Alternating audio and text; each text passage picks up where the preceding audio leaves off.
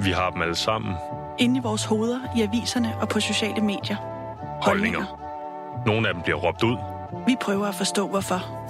Du lytter til Udråb. Programmet, hvor vi med ærlig dialog folder holdningernes nuancer ud. Din vært i dag er Vitus Robak.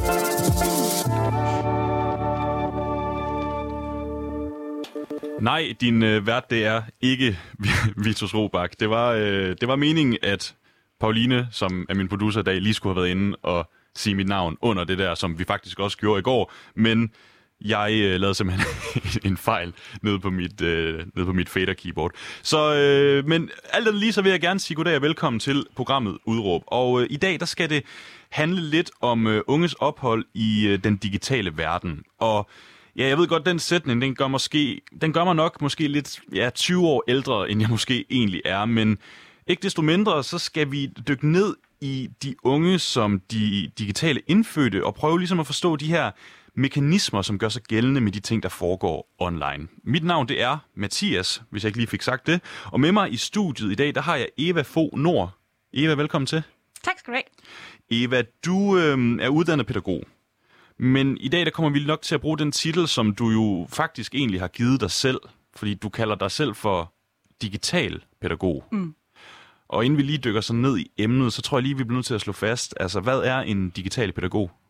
Det er jo en person, der arbejder pædagogisk på specielt de sociale medier og med det digitale aspekt. Øhm, så jeg er stærkt til stede på de medier og de steder, hvor børn og unge de er, og samtidig så behandler jeg jo, hvad det er for en ungdom og barndom, man har nu om dagen. Plus jeg hjælper forældre, lærere, pædagoger og forretninger med at prøve at forstå, hvad det egentlig er for nogle mennesker, vi har med at gøre i de nye generationer.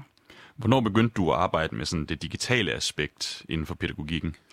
Altså, jeg har arbejdet med det digitale i Ja, siden jeg var 10 eller 11, så det er så 30 plus år. Øhm, og øh, jeg har arbejdet øh, som pædagog, siden jeg kom ud af seminaret i 9. Og det var ret hurtigt en overgang fra den ene til den anden. Jeg kom nemlig også på internettet i 95. Så jeg har, jeg har siddet derude mere eller mindre altid. Hvis du arbejder med sådan det digitale aspekt de seneste 30 år, der må vel have sket en enormt udvikling inden for de 30 år. fuldstændig sindssyg. Altså det har jo været lidt ligesom at ja, sidde i en stille og rolig robåd, der lige pludselig besluttede sig for, at det skulle køre igennem et eller andet med 180 milliarder i timen. Det er en helt anden verden, end, end den jeg er vokset op i, og det er en helt anden verden, øh, end den de fleste voksne nogensinde har overvejet kunne komme. En robåd, som der kom en raketmotor på. Bingo. Bingo. Hvad er det ved de unges digitale liv, som du finder så interessant? Det er, at øh, det er ikke bare deres digitale liv. Øhm, børn og unge lever et simultant digitalt eller analogt liv. Jeg kalder det analogt, det kan også kaldes fysisk, men jeg er jo så computernørd, så det er derfor. Derfor øh, det bliver rigtig interessant er jo, at børn og unge er så meget i det digitale, samtidig med, at det er det fysiske rum. Så vi kan ikke skælne det ene fra det andet mere. Det overlapper. Og derfor så er det også en nødvendighed, at vi husker på det og øh, tager det seriøst, der foregår derude. Der er desværre meget få voksne til stede. Øh, der er meget få, der ved, hvordan de skal tage sig af det. Og så er der alle de fantastiske forældre og andre, som ikke kender miljøerne lige så godt, og som så derfor ikke deltager. Og nu nævnte du lige det her simultant digitale analog liv. Og programmet her, det hedder Udråb, og da vi snakkede sammen i går, der, sådan, du ved, der forsøgte jeg ligesom at klarlægge, hvad det var, dit, dit udråb, det ligesom skulle være. Og så nævnte du også den her sætning, mm. øh, simultan, digital, analog liv, som jeg faktisk ikke helt forstår. Øh, altså, sådan, du vil gerne have, at vi tager de unges, nu siger jeg det lige en gang til, simultan, digitalt, analog, analoge liv seriøst. Altså, prøv lige igen at sige, hvad vil det sige, at de unge, de lever det her liv? Øhm, jeg plejer igen at sammenligne det lidt med computer. Gammeldags computer, de tænder og slukker. Det er det, de gør. Det er sådan, det fungerer. Vi voksne, vi er på. Og så er vi ikke på mere. Vi tænder vores medier, og så slukker vi vores medier. De unge, de hverken tænder eller slukker. Det er bare kontinuerligt. Det er til stede i deres baghoved, det er til stede i deres øh, vågne timer, det er til stede i deres sovende timer. Det, der sker, det stopper ikke. Vi kan godt gå fra den måde, at kommunikation og interaktion og venskaber udvikler sig digitalt, jamen det er der bare konstant. Og det er jo også derfor, at der skal laves en masse information, for at vi kan sørge for, at alle kan få den bedst mulige balance, for det kan være sindssygt svært, hvis alle er på, og hele tiden har deres devices på 24 timer i døgnet, fordi så bliver man jo sindssyg i hovedet. Det kan man jo ikke klare, det er jo ikke balance. Men samtidig så er det også for mange et kæmpestort tab af selvstændighed og selvudvikling og forståelse og venskaber, hvis ikke de får lov til at være i de her digitale fællesskaber. Men hvor er skældet? Fordi at jeg er 27, mm-hmm. øh, og, og, er jeg, kan jeg godt, altså, eller kan 27-årige, er de dem, der, der, der aldrig går af heller? Eller hvor langt skal vi øh, ned i alder, før at det her det er gældende? Altså midt 20'erne er der, hvor det begynder at skælne for de fleste. Det har også noget at gøre med, øhm, for eksempel, hvornår kom iPhone og iPad? Det var jo dengang, at vi pludselig blev introduceret for internet som noget, der var i vores lomme. I stedet for, at vi havde de her demser, der hang på væggen, og man skulle tale med nogen den vej, eller den her store kasse, man skulle gå hen til, pludselig så var det til stede. Og det skete jo omkring syv. Så omkring syv, der øh, dukkede internettet op som en normal og en konstant. Så hvis du tænker på, hvordan dit liv teknologisk har været, så har du et liv før. Du har en barndom før. Du har en ungdom, hvor at den er blevet langsomt inkorporeret. Hvorimod at dem, der så er 25 ned efter 20 og ned efter, det findes ikke rigtigt, fordi de var ikke særlig gamle dengang det kom. De har ikke prøvet at opleve en verden uden øh, det digitale aspekt. Nej, og, og at sige, at der var en verden før internettet, er nogle gange som at sige, at der fandtes en tid, hvor der ikke var toiletter. Altså det er samme princip. Vi forventer internettet på samme måde, som vi forventer, at der er et toilet. Det er groft sagt, men det er samme princip, og vi anser det for nogenlunde lige så nødvendigt i rigtig mange tilfælde. Og specielt fordi, at vi jo har uh, The Internet Highway og globalt samfund og alle de der fantastiske floskler, som vi render rundt med. Hvis vi lige vender tilbage til udråbet, det her simultant digitale analog liv, mm. det skal vi tage seriøst. Øhm, du nævnte faktisk for mig i samtalen i går, at det var din yndlingskæphest. Mm. Altså går jeg ud fra, at man ikke tager det seriøst. Altså, hvad, hvad, men, hvad mener du med det? at det din yndlingskæphest? Jeg mener, at nu har jeg, øh, nu har jeg øh, sagt det her i over et årti, øh, og der er ikke sket voldsomt meget i det årti, selvom øh, teknologi og andre ting har udviklet sig. Når jeg siger til rigtig mange forældre og andre, at øh, jeres børns liv er altså forbundet til det digitale, så er der rigtig mange, der siger, så skal de ud og spille noget med fodbold og banke nogen med en pind, eller et eller andet i den retning. Altså det bliver mere sådan, jamen ud af det fysiske, for det fysiske er det rigtige liv. Det er en gammel, misforstået måde at se verden på. Det svarer lidt til, at dengang, at øh, vi fik tv og den slags, og vi virkelig begyndte at sidde og kigge på det, der fik vi alle sammen firkantede øjne, vi blev dumme, og vi kunne ikke, altså vi har et eller andet med teknologiske udviklinger. Det man kan sige omkring internettet, det er, det er gået så sindssygt hurtigt, som sagt, og det er sket på så få år, at der er ingen mennesker i universet, der kan følge med eller forstå det 100%. Og også derfor så er det lige pludselig blevet lagt oven i hovedet på en. Og nu skal vi stå i den her situation, at vi skal finde ud af, hvordan opdrager vi unge mennesker, som har en helt anden tilgang til livet end os. En tilgang, hvor vi fysisk ikke kan gå hen og kigge på. Hvor vi har en indgang, og det er gennem hver enkelt ungt menneske. Så det er vi simpelthen nødt til at tage seriøst. Tror du, vi på en eller anden måde kan forsimple det for lytteren, øh, altså det her udråb, fordi jeg tænkte, det der med at sige simultan, analog, digital liv øh, ja, igennem programmet, øh, bliver måske en lille smule øh, flyvende, har jeg lyst til at sige. Kan vi sige det mere simpelt? Altså kan vi sige, at øh, unges digitale liv også er virkeligheden? jeg vil helst det... ikke bruge den uh, sætning. Nej, men hvad... Jeg forstår godt, hvad du mener. Øhm, man skal inkludere hele barnet og den unges liv hvilket også er digitalt. Hvilket også er digitalt. Inkluderer i hvad? I ens samtaler, i ens forståelsesrammer, i øh, det, der sker, når man sidder ved middagsbordet for eksempel. Hvad har du så samtaler om? Jamen, du har om fodbold, håndbold, hvad der nu ellers går til skolen og den slags. Men du skal også have en snak om det digitale. Du skal også have en snak om, om de ting, der foregår der. Øhm, og igen, det er ikke fordi, du skal forstå de medier, eller måske synes, at det er de mest interessante, der eksisterer, men du skal forstå dit barn. Mm. Og du skal lave øh, forsøget på at få interessen for, hvad det er, de her unge mennesker, de ønsker at fortælle dig. Fordi, jamen, så havde de spillet Fortnite med deres venner, og det var den fedeste kamp. Men samtidig så snakkede de måske også lige om, at øh, Jespers familie faktisk lige, øh, jamen, mor og far er gået fra hinanden. Så har vi, øh, hvad hedder det, Marie, som har haft en lortedag, men øh, hun havde nogle skide søde veninder, som var inde og give hende de fedeste billeder og hjerter og kærlighedsting. Eller også så var der lige den dag, hvor at, jamen, jeg har set den fedeste meme overhovedet. Du skal se den her. Den er så sjov. Og så kan det være, at man sidder og tænker, at det giver ikke mening, men jeg kan se, at du synes, det er sjovt. Og også den anden vej. Jamen prøv at se, hvad jeg i dag har kigget på. Se, hvad jeg fandt interessant. Sådan så, at, øh, at børn og unge også får at vide, hvad er det egentlig, mine forældre laver? Fordi rigtig mange unge mennesker, jamen mine forældre sidder bare og på Facebook, eller spiller Candy Crush, eller et eller andet i den retning. Men vi gør jo rigtig mange ting på de her medier. Så hvis jeg nu skulle prøve at lave øh, sætning igen, øh, øh, kan jeg så sige, at de unge skal forstås igennem deres digitale vaner? Hmm. Kom vi tættere på?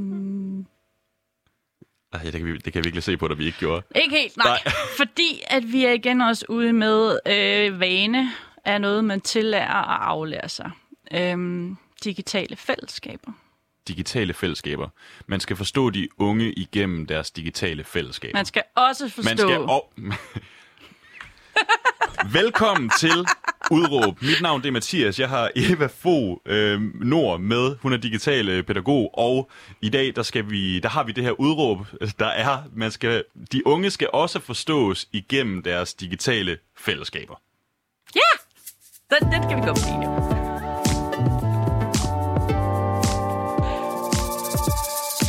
Det var jeg simpelthen så glad for, at vi, at vi lige fik på plads. Øh, jeg har sikkert glemt formuleringen om cirka 5 minutter. Det går nok. Men øh, jeg tror lige, vi er nødt til at leve, øh, inden vi så rent faktisk dykker ned i, hvordan vi forstår, også forstår de her digitale fællesskaber, så er vi nødt til lige at finde ud af, hvordan er det dit arbejde, det foregår som den her digitale pædagog, som du er? Ja, øh, det, den er meget mangfoldig. Man kan sige, en lille del af det, det er, at jeg øh, kommer ud og, og holder oplæg og workshops for børn og unge og voksne og alle de andre ting og sager. Øh, en kæmpe stor del er, at jeg non-profit sidder ude på de digitale medier og kommunikerer med de unge mennesker. Øh, jeg er, er meget funderet på TikTok og har været det i snart to år hvor at jeg har omkring 19.000 øh, followers, der alle sammen øh, kommer ind og er med, når jeg laver forskellige ting. Så jeg er meget åben omkring, hvem jeg er som person. Øh, selvfølgelig med, med det blik, at jeg viser det, som jeg mener er relevant at dele. Sådan er det jo. Jeg bruger ikke selv rigtig øh, TikTok. Øh, 19.000 følgere, er det meget i danske sammenhænge? At det er okay stort. Det er okay stort? Ja. Okay. Jeg er, ikke, jeg er ikke den største, men jeg ligger heller ikke i, i, i bunden. Nej, sådan en god mid. Ja ja. Hvorfor er det så vigtigt for dig selv at være til stede på de her platforme, hvor de unge befinder sig? Fordi som du selv siger, det er jo noget, du gør frivilligt. Ja. Øh, jeg er der både professionelt og privat, hvilket nok er derfor, at det nogle gange er nemmere. Øh, jeg laver blandt andet video om ting, der sker i verden. Jeg tager emner op, noget hvor jeg ved, at det for eksempel rammer øh, målgruppen rigtig voldsomt. Noget, som jeg er klar over, der skal i talesættes. Og så generelt forsøger jeg at, øh, at være tilstedeværende som en person, de føler, at de kan komme hen til, hvis der er noget. Fordi det gør de så. Øhm, jeg øh, får forholdsvis mange beskeder via Instagram blandt andet, øh, fordi det er den nemmeste måde at skrive privat beskeder hvor at unge mennesker kontakter mig omkring alt. Og øh, fællesnævneren er, at øh, de sjældent har talt med nogen voksne om det før. Som i overhovedet. De har måske nævnt noget af det til deres venner, men der er ingen voksne været inde over. Og så henvender de sig til mig, fordi de føler, de kender mig. Det, det tror jeg egentlig lige, jeg vil spørge dig om senere, men, øh, men jeg vil lige, altså sådan, hvad er det for noget, hvad er det for noget content, som du laver på, på, på Instagram og TikTok? Altså, hvad er det, det content gør sådan, at, at folk, de rent folk, de unge, de skriver til dig? Øhm, jeg laver forskellige videoer øhm, omkring med gode råd. Øh, jeg har taget mange ting op. Da Albert Dyrlund øh, desværre afgik ved døden, der tog jeg den op og snakkede med dem omkring de her følelser, der var. For der var et, et kæmpe ryg. Øh, mange de blev meget forskrækket. Og der brugte jeg det til at øh, kommunikere omkring følelser og hvordan er det, og der findes ikke noget, der hedder rigtige og forkerte måder at, at reagere på. Jeg har taget seksualitet op, øh, menstruation, jeg har snakket om grooming, øh, jeg har tricks idioter bruger for at få dig til ting, du ikke har lyst til, har lavet en miniserie, øh, for der er jo utrolig mange måder, hvor at nogle mennesker forsøger at få unge mennesker til ting, som de ikke skulle gøre. Og de er meget dygtige til det. Så derfor så går jeg jo ind og stiller øh, nogle spørgsmål, og jeg går ind og giver dem nogle svar. Og så skriver de til mig, eller kontakter mig også, som sagt, når de så har behov for at vide noget mere. Men jeg prøver hele tiden at have en finger på, hvad der er, der sker, som øh, er, er vigtigt i målgruppen. Og hvilke problemer er det så, som unge de henvender sig til dig med? Øh, alt. Øhm, helt fra, øh, ja, mine venner er nogle idioter, og øh, jeg er kommet op og skændes med min bedste veninde, til øh, jeg bliver mobbet, til de meget brutale ting, som voldtægt og øh, digitale overgreb, og ja, det der er virkelig ubehageligt. Hvordan håndterer du det, når, når der er sådan et ung menneske, der skriver til dig, at de for eksempel er blevet voldtaget? Som udgangspunkt, så, det, så vil jeg jo lige fortælle dem, at hold kæft, hvor er det flot, at du siger det til mig. Har du snakket med nogen voksne om det? Og der vil svaret så næsten altid være nej. Så øh, spørger jeg om, øh, hvordan de har det, øh, og om de har lyst til at fortælle mig, hvad der er, der er sket. Det hjælper nogle gange at få sat ord på, fordi meget af det foregår op i deres hoved. Øhm, og voldtægtsoffer blandt andet, eller folk, der har været udsat for krænkelser, beskylder gerne sig selv for rigtig meget af det. Og det er jo aldrig deres skyld, som I aldrig. Øhm, og når, øh, når, når samtalen er kommet lidt i gang, så begynder jeg at rådgive dem om, hvordan de kan komme videre. Blandt andet er, du er nødt til at snakke med nogle voksne i din fysiske nærhed. Du er nødt til at finde nogen, du stoler på. Hvis ikke du stoler på dine forældre, så må du snakke med en lærer, eller en pædagog, eller en SSP-medarbejder. Hvis du ikke føler, at du kan snakke med nogen af dem, så vil jeg gerne hjælpe dig med at få fat i nogen på kommunen, øhm, og i det hele taget sende dem videre, sådan så de har noget. Og hvis det så viser sig, at jeg er i en situation, hvor det er meget brutalt og meget svært, og de virkelig ikke har noget med nogen at gøre, så tilbyder jeg også at tage kontakt til myndighederne for de unge. Har du ikke nogen etiske udfordringer, når det er, at unge skriver ind til dig, Eva? Altså, fordi altså, er, du, er du rustet til at håndtere de her problemer?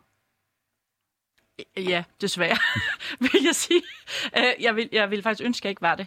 Øhm, nu har jeg jo arbejdet med øh, pædagogik i rigtig mange år. Jeg er tredje generations pædagog. Min mor er terapeut. Det er noget, der ligger i min familie, og vi har med, med mange sager at gøre. Jeg har desværre haft rigtig mange sager, også i det fysiske liv. Øhm, jeg er uddannet og erfaringsmæssigt i stand til at varetage de her unge menneskers interesser.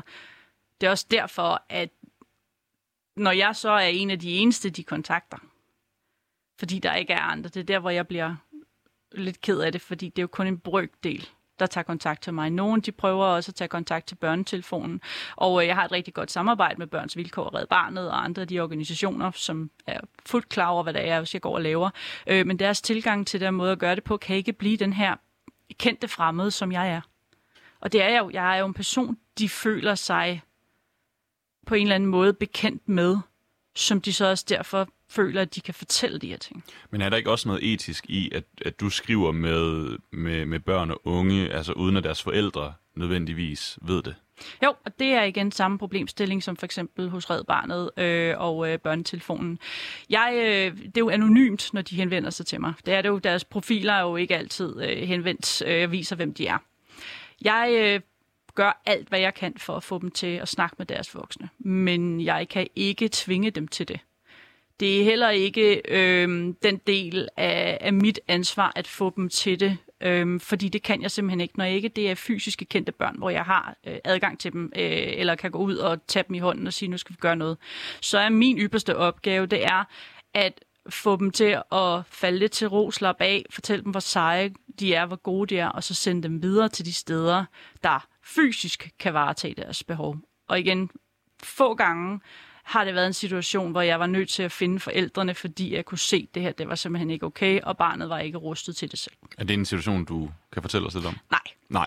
jeg, øh, jeg ved, det bliver for personligt for hurtigt. Okay. Øhm, øhm, altså for mig, der lyder det jo, det lyder ret vildt, at der er nogen, der vil kontakte dig omkring øh, så voldsomme øh, problemer, når du egentlig er en komplet fremmed, og du kalder dig selv for øh, en kendt fremmed. Mm. Altså, er, er det ikke... Øh, altså, hvad, hvad, hvad mener du med en kendt fremmed? Jeg har en persona. Øh, det har vi alle sammen, når vi er på de sociale medier. Min, den er så meget offentlig og meget konkret. Altså man kan google mig herfra til juleaften, hvis man har lyst. Jeg er ikke frem, jeg er ikke svær at, at, at finde ud af, hvem jeg er. Øh, og jeg gør alt, hvad jeg kan for at være meget åben omkring det. Men samtidig så viser jeg jo også min personlighed. Øhm, og øh, ved at være ansigtet, de ser, stemmen, de ser, følelserne, de mærker, så føler de jo, at de har et kendskab til mig. Det er jo det, de sociale medier gør. Det er jo det, vi kender med rigtig mange influencers og, øh, og de ting, der er omkring YouTube blandt andet. Det er jo, at når man har et kontinuerligt online forhold til nogen, som det jo faktisk er, når man øh, ser en eller anden, der lægger videoer op og følger dem, så er det jo en eller anden form for øh, venskab, man udvikler. Det er ikke et almindeligt type venskab, men man føler jo, at man har en forbindelse til de her personer.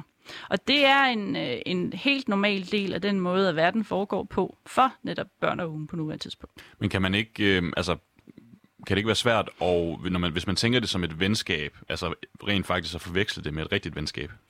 Jeg øh, har mødt ganske få, der ikke forstår forskellen. Og øh, de få, som øh, så ikke forstår den, det er ofte nogen, der i forvejen har problemer på meget konkrete andre måder, for eksempel stærke diagnoser eller lignende. Øhm, jeg er meget konkret i, hvad det er, jeg kan at gøre, og jeg bliver også, hvis nogen begynder at lægge for meget i, i det, at jeg skriver med dem, jamen så siger jeg også til dem, jeg er en digital person, der sidder derude og snakker med dig. Jeg er ikke en fysisk person. Du skal finde en fysisk person, der kan varetage det her for dig. Jeg vil gerne hjælpe dig. Mm. Men du er vel, altså, du er vel fysisk? I jo, men ikke i vores kommunikation. Jeg sidder jo ikke foran dem. Altså, det, vi har en dialog, som er digitalt funderet. Øh, men det er jo ofte igen øh, en dialog baseret på tekst. Meget få gange, øh, hvad hedder det, chatbeskeder med lyd. Så det er jo ikke, jeg sætter mig i et rum sammen med dem, eller vi har en eller anden vedvarende kommunikation, som er baseret på, at vi har alle informationer omkring hinanden. Jeg sidder sådan og tænker på, har du en eller anden forståelse for, øh, altså, den her, altså, hvad er det, som du forstår, som nogle forældre måske ikke forstår? Øh, først og fremmest så øh, er jeg ikke deres forældre. Det er en rigtig god ting. Jeg har ikke nogen følelser involveret. Jeg har ikke skabt det her barn. Jeg har ikke hele den enorme øh, byrde og glæde, som forældreskabet for de her børn er. Jeg er en person, der i øh, pædagogisk og psykologisk forstand varetager kommunikation af den grund. Ikke af det andet. Det vil sige, når de kommer til deres mor og far og fortæller, at jeg er blevet øh, voldtaget, jeg er blevet mobbet, jeg har fået digitale beskeder, som jeg ikke kan lide, så har forældre reaktioner, og mange af dem er ofte voldsomme, fordi de bliver bange. Og øh, børnene er også bange for, at, øh, at deres forældre bliver skuffet over dem. Ej, åh oh nej, nu gør min mor far ked af det. Så der er rigtig mange følelsesmæssige aspekter. Og når jeg så sidder her som den her øh, kendte fremmede, så er det nemmere at fortælle tingene, fordi jeg igen ikke har de bånd til dem. Igen, så er min opgave også at sørge for, at, øh, at få dem vejledt til, at de så tager tage de her snakke. Men mor og far har ofte lyst til at fjerne alle sociale medier, lukke for internettet og sørge for, at de her børn aldrig nogensinde kommer på igen. Og det nytter ikke noget, fordi så går de bag ryggen på deres forældre. Øh, det igen det her med, at kommunikationen er nødt til at være der. Det er nødt til at være begge veje. Og mor og far jeg siger det, og det er meget svært. Vent med at eksplodere, til du er i rummet ved siden af. Luk døren først. Tag snakken, og så gå ind ved siden af og få en complete meltdown. Men prøv at lade være med at gøre det foran dit barn og det unge menneske, fordi de kommer aldrig tilbage, hvis de føler, at det er reaktionen. Og så står vi og er endnu dårligere over, end vi var før. Og nu, jeg spørger lige om et spørgsmål, som jeg måske egentlig har stillet før, men, men jeg kunne godt lige tænke mig at høre svaret mm. en gang til. Altså, hvorfor er det, det er så meget nemmere at skrive til dig igennem en eller anden digital platform, frem for at tage fat i en, de kender i den fysiske øh, del af deres liv? Fordi at jeg igen er en neutral. Jeg er neutral. Det er, øh, jeg er Schweiz. Jeg øh, hvad hedder det, har ikke nogen direkte forbindelse med deres liv. Jeg har ikke nogen direkte forbindelse med deres voksne. Jeg kan få det. Øhm, men derfor så kan de sige det til mig, uden at der opstår igen alle de her følgeting, som ofte opstår, når man går hen og siger det til en person, som kender en, om det så bare er lidt eller meget. Øhm, så der er det her sikkerhedsnet, en buffer. Det er også derfor, de netop siger det til mig, og ikke til nogen, de kender. Fordi de, den der buffer, de er ikke kommet længere, end at de er klar på, de, de er klar øh, på at sige noget nu. Men de er ikke klar på at sige det på en måde, hvor der så efterfølgende skal ske A, B, C, D, Q, J og Z, fordi at rundt omkring dem kommer der til at være voldsomme følger. Og bare den del, at de åbner op, siger noget, gør noget, det er et kolo enormt skridt for rigtig mange af de her unge mennesker. Jamen, hvorfor er det nemmere at skrive igennem en platform? Fordi jeg ikke står fysisk og glor dem lige ind i øjnene, og ikke kan tage fat på dem i hånden og sige, nu går vi hen til noget. Hver gang man har øh, ansigtsløs kommunikation, eller man har digital kommunikation, hvor der ikke er fysisk berøring, så er der altid en afstand. Og den afstand, den er tryghedsbaseret mm. på rigtig mange måder. Øhm, igen, det er præcis de samme, øh, hvad hedder det, grunden, at øh, børnetelefonen og cyberhuset og alle de her tjenester er oprettet. Det er fordi, det neutrale, det hjælper så meget. Og, det er jo, og nu er det jo så måske, fordi jeg er 27 og en, en lille smule gammel. Det er jo bare, jeg sådan har svært ved, og det er derfor, jeg spørger dig så mm. meget ind til det igen, at, at det med, at, øhm, at man skriver til en fremmed jo-jo, og det er ikke, du står ikke lige foran, men det er alligevel så personlige ting, som du bare som du smider ud igennem en, en, en chatfunktion. Mm-hmm. Og det er det, jeg, det er det, jeg synes er, øh, det er det, jeg synes er lidt vildt. Og det kan jeg sagtens forstå, fordi det er ikke noget, du nogensinde har oplevet eller skulle gøre. Men igen, fordi at vi har alle de her kommunikationsmuligheder lige ved lommen, fordi vi har flyttet rigtig meget af vores kommunikation over på det digitale, så er det blevet det, man gør. Hvis du går i skole for eksempel og har det skide dårligt, så går du ikke hen i klassen og råber højt, hey, jeg har det dårligt. Men hvis du sender en gruppesnap og fortæller folk, at jeg har det sgu dårligt i dag, så har du allerede fortalt dine følelser, men du slipper for at stå ansigt til ansigt med folk, mens du gør det, og det hjælper.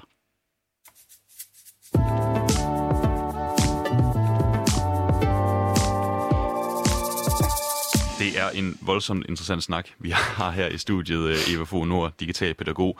Øhm, vi skal snakke lidt, altså vi skal jo mere i dybden med det her, og jeg mm. prøver jo stadigvæk, og vi har vi har fået fundet ud af, at jeg sådan er ret gammel. Øh, det siger du selv. Det siger, ja, men, nej, okay, det er også provokerende, at der sidder en 27-årig og siger, at han er gammel, men, det, men i hvert fald så, at jeg ikke helt, stadigvæk ikke helt forstår mm. øh, den her sådan sammensmeltning af, af, af den digitale øh, verden og den fysiske verden. Og da vi snakkede sammen i går, lavede jeg også lige præcis den fejl, at jeg opdelte det sådan i gåseøjne virkelige liv med det digitale liv. Mm. Og der var du lidt efter mig. Mm. Og øh, du taler også om det lidt i starten. Øh, men altså, hvorfor er det, vi ikke skal tænke på den måde?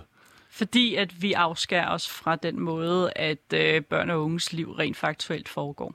Vi kan ikke definere, hvad de mener og føler, deres verden er. Vi kan bakke op om dem. Vi kan, vi kan opdrage børn og unge til samfundsnormer. Vi kan opdrage dem til opførsel. Vi kan opdrage dem til vaner. Vi kan opdrage dem til holdninger. Men i sidste ende skal de jo selv ud og finde deres baggård. De skal selv ud og finde deres øh, klubværelser. De skal selv ud og finde de her ting. Og nu foregår mange af dem altså digitalt. Så derfor så er vi bare i en verden, hvor at hvis ikke vi accepterer det og anerkender det, så er det nogle gange lettere at ravne rock, fordi så er det, hvem råber højst og hvem gør mest. Og det har vi mange rigtig ubehagelige eksempler på. At der er simpelthen ja, det er fluernes herre online, når øh, børn og unge ikke har nogen, øh, der har lært dem nogle regler. Og de voksne er mindst lige så slemme. Bare se Facebook-debatter. Altså, det er jo toxic health. Øhm, og det er jo fordi, vi netop er i gang med at lære, hvordan vi skal begå os på de her måder. Så vi skal alle sammen lære lidt digital opdragelse. Mm, men digital, øh, digital opdragelse, det er mere sådan, altså vi kan lynhurtigt blive enige om, hvor meget lort, der bliver lukket ud på Facebook af, ja, øh, ja nu siger jeg det, middelalderlige mænd. Mm-hmm. Men når det er, at de her unge, som jo er digitalt indfødte... Ja, det er de så ikke. Nej, det er de så måske ikke. Fordi, det, er, fordi hvis det er, de, de opfører sig stadigvæk på en anden måde online, end de gør i den fysiske verden. Men så vil jeg jo måske kunne konkludere det, at der jo så er to virkeligheder, hvis de hvis de rent faktisk opfører sig anderledes i hver sin del? Øh, nej, fordi de vil også opføre sig anderledes, hvis øh, forældrene ikke står og kigger på dem. Husk, dengang du var øh, barn, ja. der var der steder, hvor du kunne gå hen, hvor der ikke var nogen voksenopsyn. Der lavede du ting, som voksne ikke skulle se og høre og gøre. Der, øh, Smadrede man ting, man ikke skulle smadre, gjorde ting, kyssede folk, røg ting, drak ting, gjorde ting, havde sex, alt muligt i den retning. Man gjorde alle de ting, som man havde behov for for sin identitetsdannelse og for at lære, hvem man selv og andre var.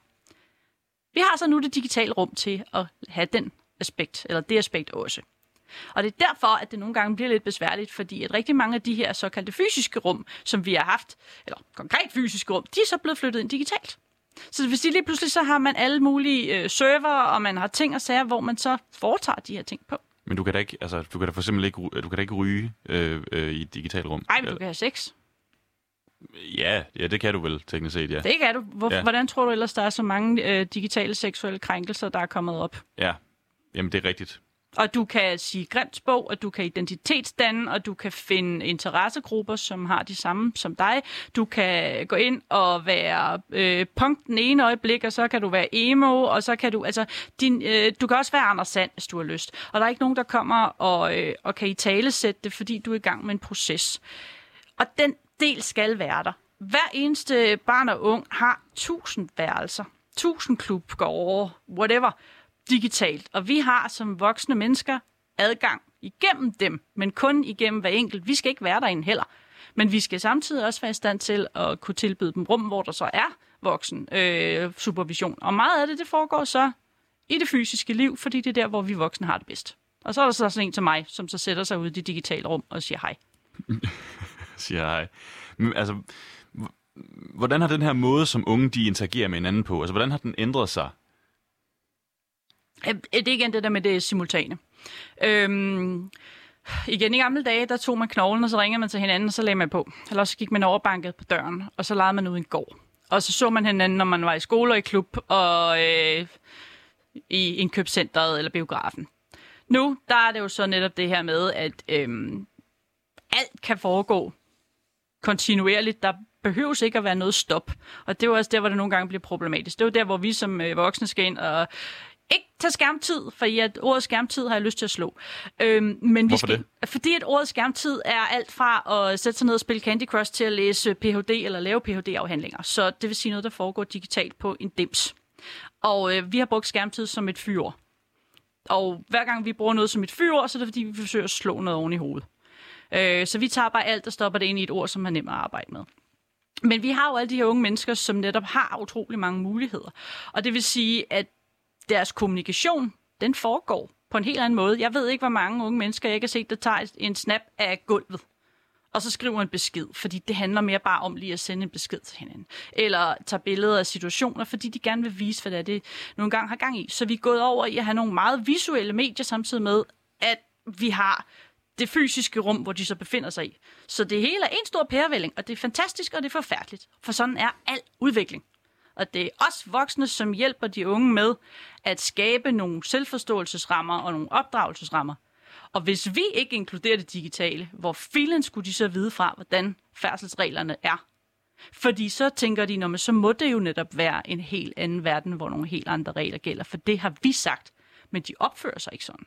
Hvordan skal man så opdrage dem i, at, altså din opdragelse i, at det er den samme verden? Det er bare altså man skal opføre sig på samme måde. Det er mm. lidt det, der er pointen. Ja, ikke? Altså, hvordan, hvordan, hvordan gør vi det? Jamen, igen ved at i tale sætte det digitale som en naturlig del af ens rum og ens verden og ens selvforståelse.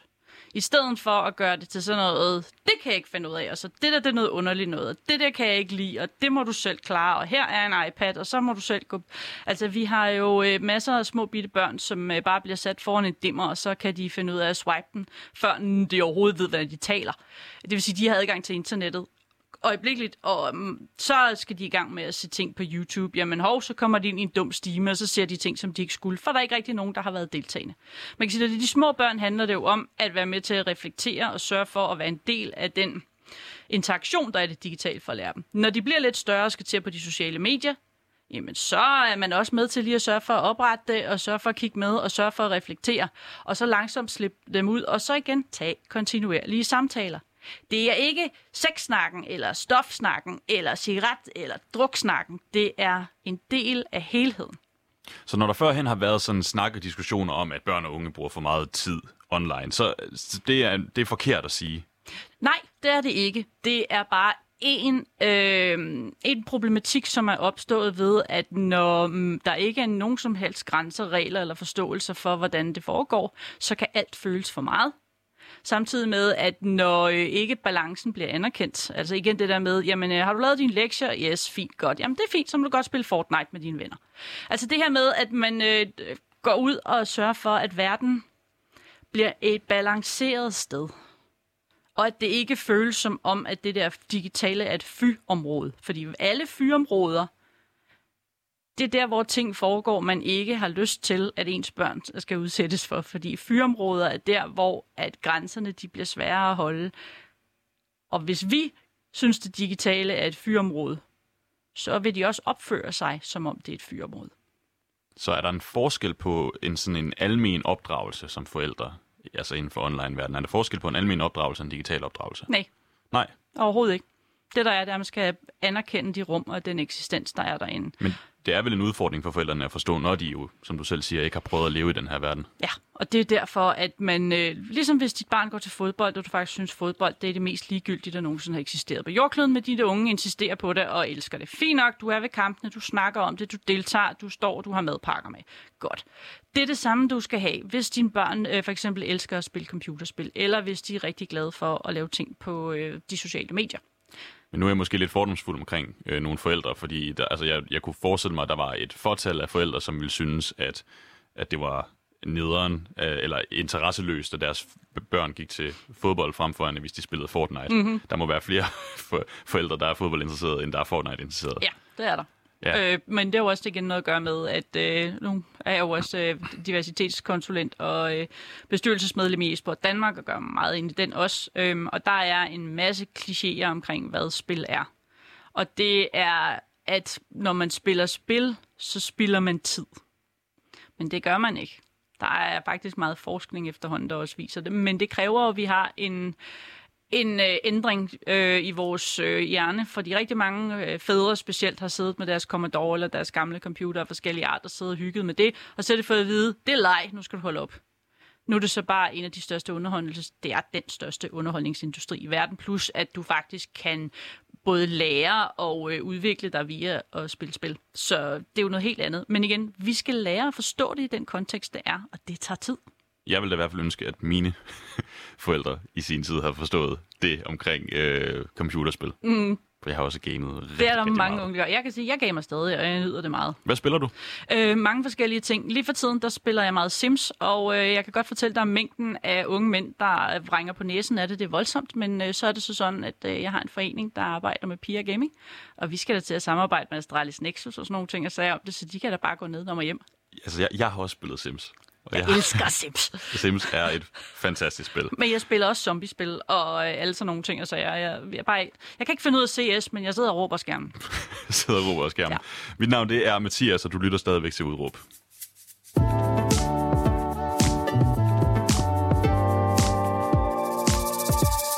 Ja, Eva Fonor. Øhm, igen i forbindelse med den her digitale del af de unges virkelighed. Du må igen, du skal bare rette mig, hvis jeg igen stiller de der to verdener op.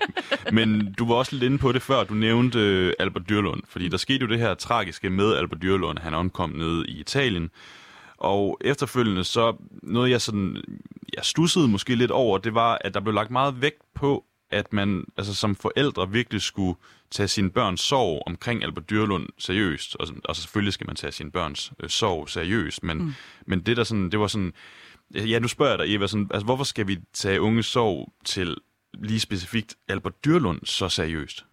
Albert Dyrlund har, som mange af de unge mennesker, jeg snakkede med, sagde, været en del af deres liv, siden de var børn. De har set ham, han var en af, den, øh, en af de førende YouTuber, og en af dem, der har været med til at skabe genren i Danmark. Han øh, var i deres liv konstant, fordi han netop uploadede videoer, de så dem, og de fulgte med. Igen, han var en kendt fremmed for dem. Han var en slags øh, storebror øh, og en, et idol på mange måder. På samme måde som øh, vi andre, vi ville have set på øh, ja, fodboldstjerner og tv-stjerner og musikere. Men han var meget nær ved dem og det jeg jo har svært ved at forstå, det er, hvordan Albert Dyrlund, han, han altså blev en storebror og blev en, en ven for øh, børn og unge. Altså, hvordan, hvordan gjorde han det? Gjorde han ved at være igen en del af deres liv hele tiden. Ved de videoer, han lavede, ved de film, han lavede, ved musikken. Han var jo øh, bred på rigtig mange punkter. Jeg øh, havde selv æren af at arbejde kort sammen med ham, da jeg lavede designtalenterne sammen med DR Ultra for længe siden. Øhm, han var jo et, et, han var et menneske, som var på og øh, interessant og fandt på spillopper. Og øh, den slags storebrødre øh, vil de fleste børn gerne have. Så de fik jo et personligt forhold til ham gennem det, han lavede. Præcis ligesom igen, øh, folk også har det med at gøre ved mig. Og det føles måske mærkeligt for øh, igen mange, der ikke har prøvet det. Men han var meget nær. Han var også en, man kunne gå ud og møde i Storcenter og sige hej til. Det vil sige, at han var meget tilgængelig. Og den forskel fra for eksempel de etablerede stjerner, den er meget stor. Han var der hele tiden. Han var en del af deres hverdag. De så ham hele tiden. De skrev til ham, og en, øh, han skrev også tilbage og var interaktiv med dem. Men er den her, altså, men den her øh, idoldyrkelse har jo på en eller anden måde altid eksisteret. Altså, sådan, der har jo gennem tiden været meget engagerede fans af, af musikere. Altså, vi havde masse unge, der skreg omkring The Beatles. Der kunne også være altså, Britney Spears øh, fra min øh, årgang. Altså, hvorfor er den her idoldyrkelse omkring Albert Dyrlund anderledes? Igen, uh, The Boy Next Door. Han var så meget bare en eller anden anden person, som man så fik et forhold til, som så viste sit liv, øh, som lavede ting og sager, som var sjove, og som man igen kunne komme ned og hilse på ned i Storcenteret. Det, ja, Altså, det er mere... Britney kaldte man vel egentlig også for The Girl Next Door. Så, ja, så, men det er fordi, hun, hun var, men igen, øh, hvad hedder det, hun var fjern. Chancen for, at du kunne gå hen og hilse på hende og give hende hånden, den var omkring minus 500. Chancen for, at, øh, at du kunne se, hvordan hendes liv var løbende, medmindre du læste sladderbladet, var meget lille. Det vil sige, at alting var styret af nogle pressemedarbejdere, og det kom sporadisk og som øh, historier. Influencers lægger jo ting op kontinuerligt. Der er faste rammer for, når de gør det. Der er måder, måde, de gør det på, at de deler deres liv de deler personlighed, de deler meget af det, også de gode, såvel som de dårlige ting. Det vil sige, det er et helt andet type billede, man har af den her type mennesker. Øhm, det føles vidderligt som en person, man bare lige kan række ud og røre ved.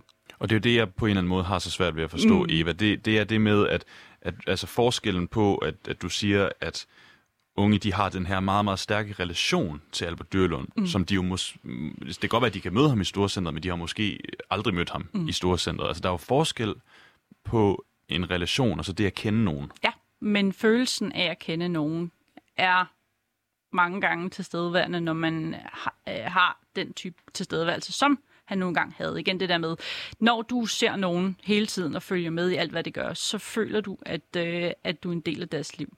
Og når det er gået ned på den måde, som for eksempel influencers er, så er du jo nede i detaljer af deres liv. Som i, hvad køber de til morgenmad, og øh, hvad hedder det, hvad for nogle sko går de med, og hvad kan de lide, og hvad kan de ikke lide, for de, de sidder og fortæller dig det. Og hvis du spørger dem om noget, jamen, så svarer de tilbage til dig. Det gør idoler af større karakter ikke. Det er igen den der, den der interaktion, det føles meget tættere. Øhm, og det er det, hvor at nogle gange, så er man desværre bare nødt til at sige, nå, det forstår jeg simpelthen ikke det her, men jeg kan se, det har en kæmpe påvirkning. Mine forældre forstod ikke at, og så indsæt, hvad så det ellers skulle være. Det er så næste generations måde at gøre det på. Det er det sidste, der er du lige nødt til at, til at forklare igen. det, det forstod jeg simpelthen ikke. Okay. Dine forældre, de havde noget, øh, du lavede, og du så på og havde interesser, som de synes var noget underligt noget. Ja. De forstod det bare ganske enkelt ikke. De kunne gøre en ud af to ting. De kunne forbyde dig det, eller de kunne lade dig gøre det. Og acceptere det. Det samme med børn og unge i forhold til lige præcis det her. Du kan sige, det er noget pjat, det skal du ikke gøre, det vil jeg ikke have noget med at gøre. Eller også skal du sige, nå, okay, jeg forstår det simpelthen ikke, men det er meget vigtigt for dig. Så må jeg jo acceptere det. Hvorfor kan det være så svært for forældrene øh, at forstå det her forhold, som nu nogen kan have til Albert Dyrlund? Igen, fordi de aldrig nogensinde selv har oplevet noget, der ligner noget, og fordi det er meget nyt. Man kan sige, at YouTube har eksisteret siden 5. 15 år i menneskets historie er meget lidt. Så har du så et, et godt råd til nogle forældre, altså til at snakke med deres børn omkring den her sorg, der kan være i forhold til Albert Dyrlund? Spørge ind til den. Det er det gode udgangspunkt. Først og fremmest finde ud af, hvordan har du, har du hørt, hvordan det var? Øh, har du hørt, hvad der skete? Hvad synes du om det? Hvordan får du det til at føle? Jeg kunne se på de øh, snakke, jeg havde med, med, med de unge inde på, øh, på TikTok, at der var mange følelser. der var også nogen, der ingen følelser havde.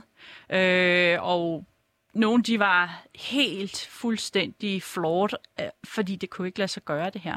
Vi skal også huske igen, at det er første gang, at en ung influencer, dansk influencer, er død spontant. Øh, altså, der var jo ikke noget sygdom. Det var et uheld, det var en ulykke, det var forfærdeligt. Vi har aldrig oplevet noget lignende. I Danmark, det tætteste, vi er kommet på, det er, da Fie Laversen øh, hvad hedder det, besluttede sig for at prøve at tage sit eget liv og overleve. Men det var stadigvæk ikke af samme kaliber.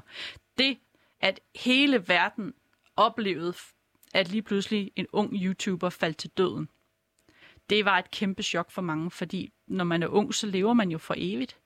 Og død blandt unge mennesker, det eksisterer jo ikke. Men det gør det jo. Så derfor så var det et slag i hovedet. Og så et endnu større slag i hovedet, fordi at, at relationen bliver så tæt. Lige akkurat. Og man kan sige, at vi var også lidt uheldige, at det kom så kort tid efter, at, øh, hvad hedder det, at vores kære øh, fodboldspiller øh, Christian, han faldt på banen og fik slagtilfælde og faktisk døde foran folk under EM. Så der var rigtig mange unge mennesker, der lige var blevet konfronteret med døden også den vej for første gang. Så øh, der er også nogle, øh, nogle, nogle ripple effects omkring det. Ja. Altså, jeg, jeg, øhm, du, du nævnte før de der, da du havde øh, snak med unge på, på en platform omkring Albert Dyrlunds død. Altså, hvad var ordlyden i de her beskeder? Jeg er i chok. Hvordan kan det lade sig gøre? Og så måtte jeg faktisk bruge flere dage på at, øh, at fortælle dem, at det var ikke fake. Det var virkelig en af de store ting. Jamen, det var faktisk også noget, jeg, jeg måske gerne ville, ville, øhm, ville bringe op, fordi at, at der var jo ret mange, som jo spekulerede i, om det egentlig var et stunt, mm. som han havde gang i. Øhm, og, og det er jo på en eller anden måde det, jeg sådan forbinder måske en lille smule med farne omkring øh, sådan en persona, som mm. du jo selv siger, Albert Dyrlund har været. Altså, er det ikke en, er det ikke en, en konkret fare, at, de så ikke kan, at unge ikke kan skille øh, virkelighed fra, hvad, hvad de tror, at, at han gør? Tænk lidt på det som øhm, stadier af chok, blandt andet. Når du gennemgår noget, som virkelig bare slår dig i hovedet, du bliver virkelig forskrækket, ked af det noget andet, så gennemgår du nogle stadier af chok, og benægtelse, det er en rigtig stor en af dem. Så det kan jo ikke være rigtigt, det her, igen. Det sker jo ikke, det ved vi jo, det var aldrig sket før, ergo så sker det ikke.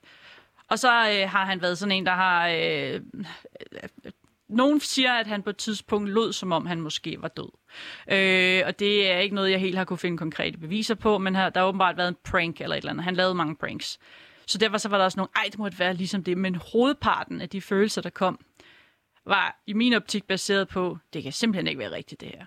Det tror jeg ikke på. Det, det er fake. Og så er der, øh, fordi de sociale medier jo nogle gange løber meget hurtigt, så bliver sådan nogle øh, fake nyheder spredt. Der var jo blandt andet nogen, der lavede nogle fake artikler omkring, at, øh, han, øh, at det hele netop bare fake, og det ikke var rigtigt, at han var død.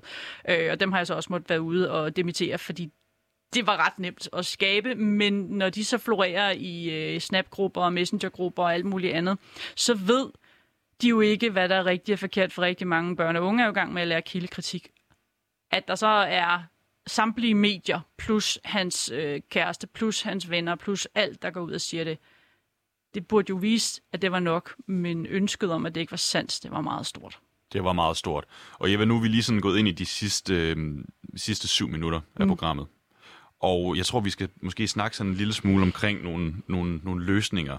Yes. Øhm, og ja, nu startede vi jo med at selv at komme frem til det her udråb i starten, så nu må jeg lige se, om jeg kan huske det. Altså, hvordan... Øhm, det kan jeg det er simpelthen, øh, det er simpelthen væk. Hvordan skal de unge forstås igennem deres digitale fællesskaber? Også var det ikke forstås. Så? Også forstås. Det var yes, sådan, der var formuleringen. Der var også med, ja. ja. Jamen, det, jeg, kunne, jeg, jeg kunne ikke finde ud af, hvor jeg skulle putte den anden. Ja, det er med på. Øh, Altså, de gode råd er først og fremmest, tag en snak med ens unge mennesker. Ens børn. Man skal selvfølgelig lige finde ud af, hvor gamle de er, når man begynder at tage snak. Fordi der er jo en masse. Hvis du har med en 10-årig gøre, så er det på en måde. Hvis du har med en 15 år, så er det en anden. 10-årig har en forståelsesramme, som er baseret meget på, øh, skal vi sige, det lokale, følelsesmæssige. Forhåbentlig har de ikke været udsat for en masse ting, der gør, at de virkelig ikke ved, hvordan verden ser ud. Men de kommer stadigvæk til at møde andre mennesker, og de kommer højst sandsynligt til at være på de sociale medier. Så tag en snak om, øh, hvad de ser, og se lidt med. Øh, kig, hvad det er, der foregår. Og så selvfølgelig igen give lidt mere fri, men også sørge for at holde øje i de første år. Øhm, når de så begynder at blive teenager, så er det vigtigt at begynde at give fri, for ellers så laver de kun ting bag din ryg. Har man med teenager at gøre, så skal man tage dialogen med dem. Hvad er det, du ser? Hvad er det, du gør? Har du, øh, hvad hedder det, du skal være klar over, at jeg kan blive rigtig bekymret om det her. Jeg forstår det ikke rigtigt. Jeg vil gerne forstå dig. Er der nogen måde, vi kan komme videre med det her sammen? Øh, hvis man sælger på sociale medier igen, vis de ting, man selv er interesseret for at gøre det til sådan en øh, show and tell. Hey, se hvad jeg har fundet ud af. Det er sjovt. Hvorfor det? Og så nogle gange, så fordomsfrit som overhovedet muligt fra begge sider for teenager, er også dybt fordømmende. Hvorfor kan du egentlig godt lide det her? Og den er svær nogle gange, fordi at, øh, du er dum mor, eller jeg forstår ikke noget ungdom nu til dags. Men den her med at, at prøve med en meningsudveksling og en dialog omkring det. Og så hold det som en del af ens hverdag. Men hvis det er netop det, at man spørger ind til, sådan, hvorfor interesserer, altså interesserer dig for det der, at man mm. så måske bliver spist af med sådan, øh, gammeldags. Altså, hvorfor er det, at forældrene skal tage det digitale aspekt af deres børns liv så seriøst? Fordi at de oplever så mange ting derinde, som du som forældre ville ønske, de kom til dig med. De oplever fantastiske ting, de oplever forfærdelige ting, de oplever så mange af de ting, som man selv som ung oplevede kun i det fysiske liv. Og hvis du gerne vil være der, når deres hjerter bliver knust, når de oplever det fedeste overhovedet, når de møder noget, der er vildt ubehageligt. Hvis du gerne vil have, at de kommer og snakker med dig om det, så er det utrolig vigtigt, at du ikke har fordommene først. Så er det, altså så kommer de som sagt aldrig nogensinde igen. Så hvorfor er det, man, altså hvis børn eller unge, de har problemer online, at man så ikke bare skal altså fjerne deres, deres hvad hedder det, altså forhindre, at de kan komme på de her platforme? Fordi det vil lidt være at lukke dem inde på deres værelse og sige, du har nu fået stuerest, du må ikke være sammen med dine venner, du må ikke være en del af det her miljø mere. Det er ikke det samme som, at de ikke skal have pauser, og man ikke skal tage ferie uden, og som, når efterskoler starter, er det rigtig fint, at man ikke bruger sin telefon det første stykke tid, fordi så kommer man netop helt ind i det fysiske rum, man befinder sig i. Fordi vi er jo fysisk funderet. Det er jo det, vi er jo en krop. Den skal ligesom være sikker på, at den har det godt. Øhm, og børn og unge vil til enhver tid så begynde at gå udenom ens. Øh, skal vi sige, formaninger og øh, påbud. Men det er, altså, en stuerrest er jo, jeg har lyst til at kalde det for en tried and tested øh, øh, måde, hvorpå man ligesom kunne give noget, noget afstraffelse, der ikke var, var på den måde øh, altså fysisk håndgemænd mm. til børn. Altså, den, det, det virker vel. Gør det ikke det? Både og, fordi samtidig så afskærer du dem jo også. Selvfølgelig, hvis der, er, hvis der virkelig er noget øh, ubehageligt, at de selv har været nogle rigtige røvhuller derude, så er det en rigtig god idé at sørge for, at de får en pause fra deres sociale medier. Øhm, det er klart, fordi så har de ikke helt fattet, hvad man skal bruge det. Men samtidig så skal man også introducere det igen. Man kan ikke komme udenom det digitale liv nu, selvom mange ønsker. Der er mange, der vil ønske, at aldrig havde eksisteret, men det gør det. Det kommer ikke til at fjernes. Og øh, hvis man specielt med de unge mennesker og de store teenager øh, fjerner det fra dem, så finder de bare andre veje at gøre det på og så gør de det bag din ryg. Og erfaring viser, at når børn og unge gør ting bag din ryg, så er det sjældent det, du ønsker, de gør, at de foretager sig. Men hvis man snupper mobilen fra dem og fjerner wifi-adgangen... Så går de over til deres venner. Gør, gør de? Ja, så ser de med på deres venners devices, og så finder de ting der. Så, altså, de passer hinandens uh, konti, når de er på ferie, hvad hedder sociale medier. Altså, så går de ned på uh, computeren på skolen. Så, du kan ikke fjerne de sociale medier. Du kan godt fjerne dem fra din nærvær. Men så finder de en anden måde at gøre det på. Så, øh, så det med, at man, man skal ikke som forældre tro, at bare fordi man fjerner et device, så, øh, så fjerner man indgangen. Nej, og du kan jo også sige til dit barn, at de ting, det ikke skal og må. Men igen, i sidste ende, hvem sørger for, om de gør det? Det gør de selv. Det gør de selv. Og hvis jeg nu skulle sådan, det sidste gode råd til forældrene, og nu talte vi meget i starten omkring hele den der formulering med digital, simultane, mm. analog verden. Så hvad er det sidste gode råd til nogle forældre for at forstå deres børns digitale, virkelige liv? De er sgu gode nok. Forældrene I er gode nok, som I er. Det er okay ikke at have den tekniske forståelse og den erfaring. Du kender dit barn, du elsker dit barn, du ved det det bedste. Så så længe du har den holdning, så skal det nok gå. Teknologi, det ændrer sig hver sekund. Det gør dit barn ikke. Det synes jeg var en øh, rigtig, rigtig fin måde at slutte af på. Eva Fo Nord Få. Få. Få. Få. Ja, jeg havde lidt problemer med, inden vi startede at, at udtale dit, uh, dit mellemnavn. Men Eva, i hvert fald mange, mange tak, fordi du kom, og fordi du gad at gøre os uh, klogere på det digitale Tak fordi du er og med. virkelig liv. Det var så let.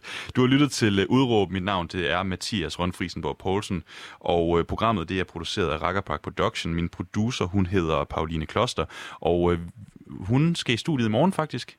Hun vender tilbage i morgen, og hun, hende kan I høre fra klokken 12, mellem 12 og 1. Jeg vil mange gerne sige mange, mange tak for i dag. Nu skal vi have nogle nyheder.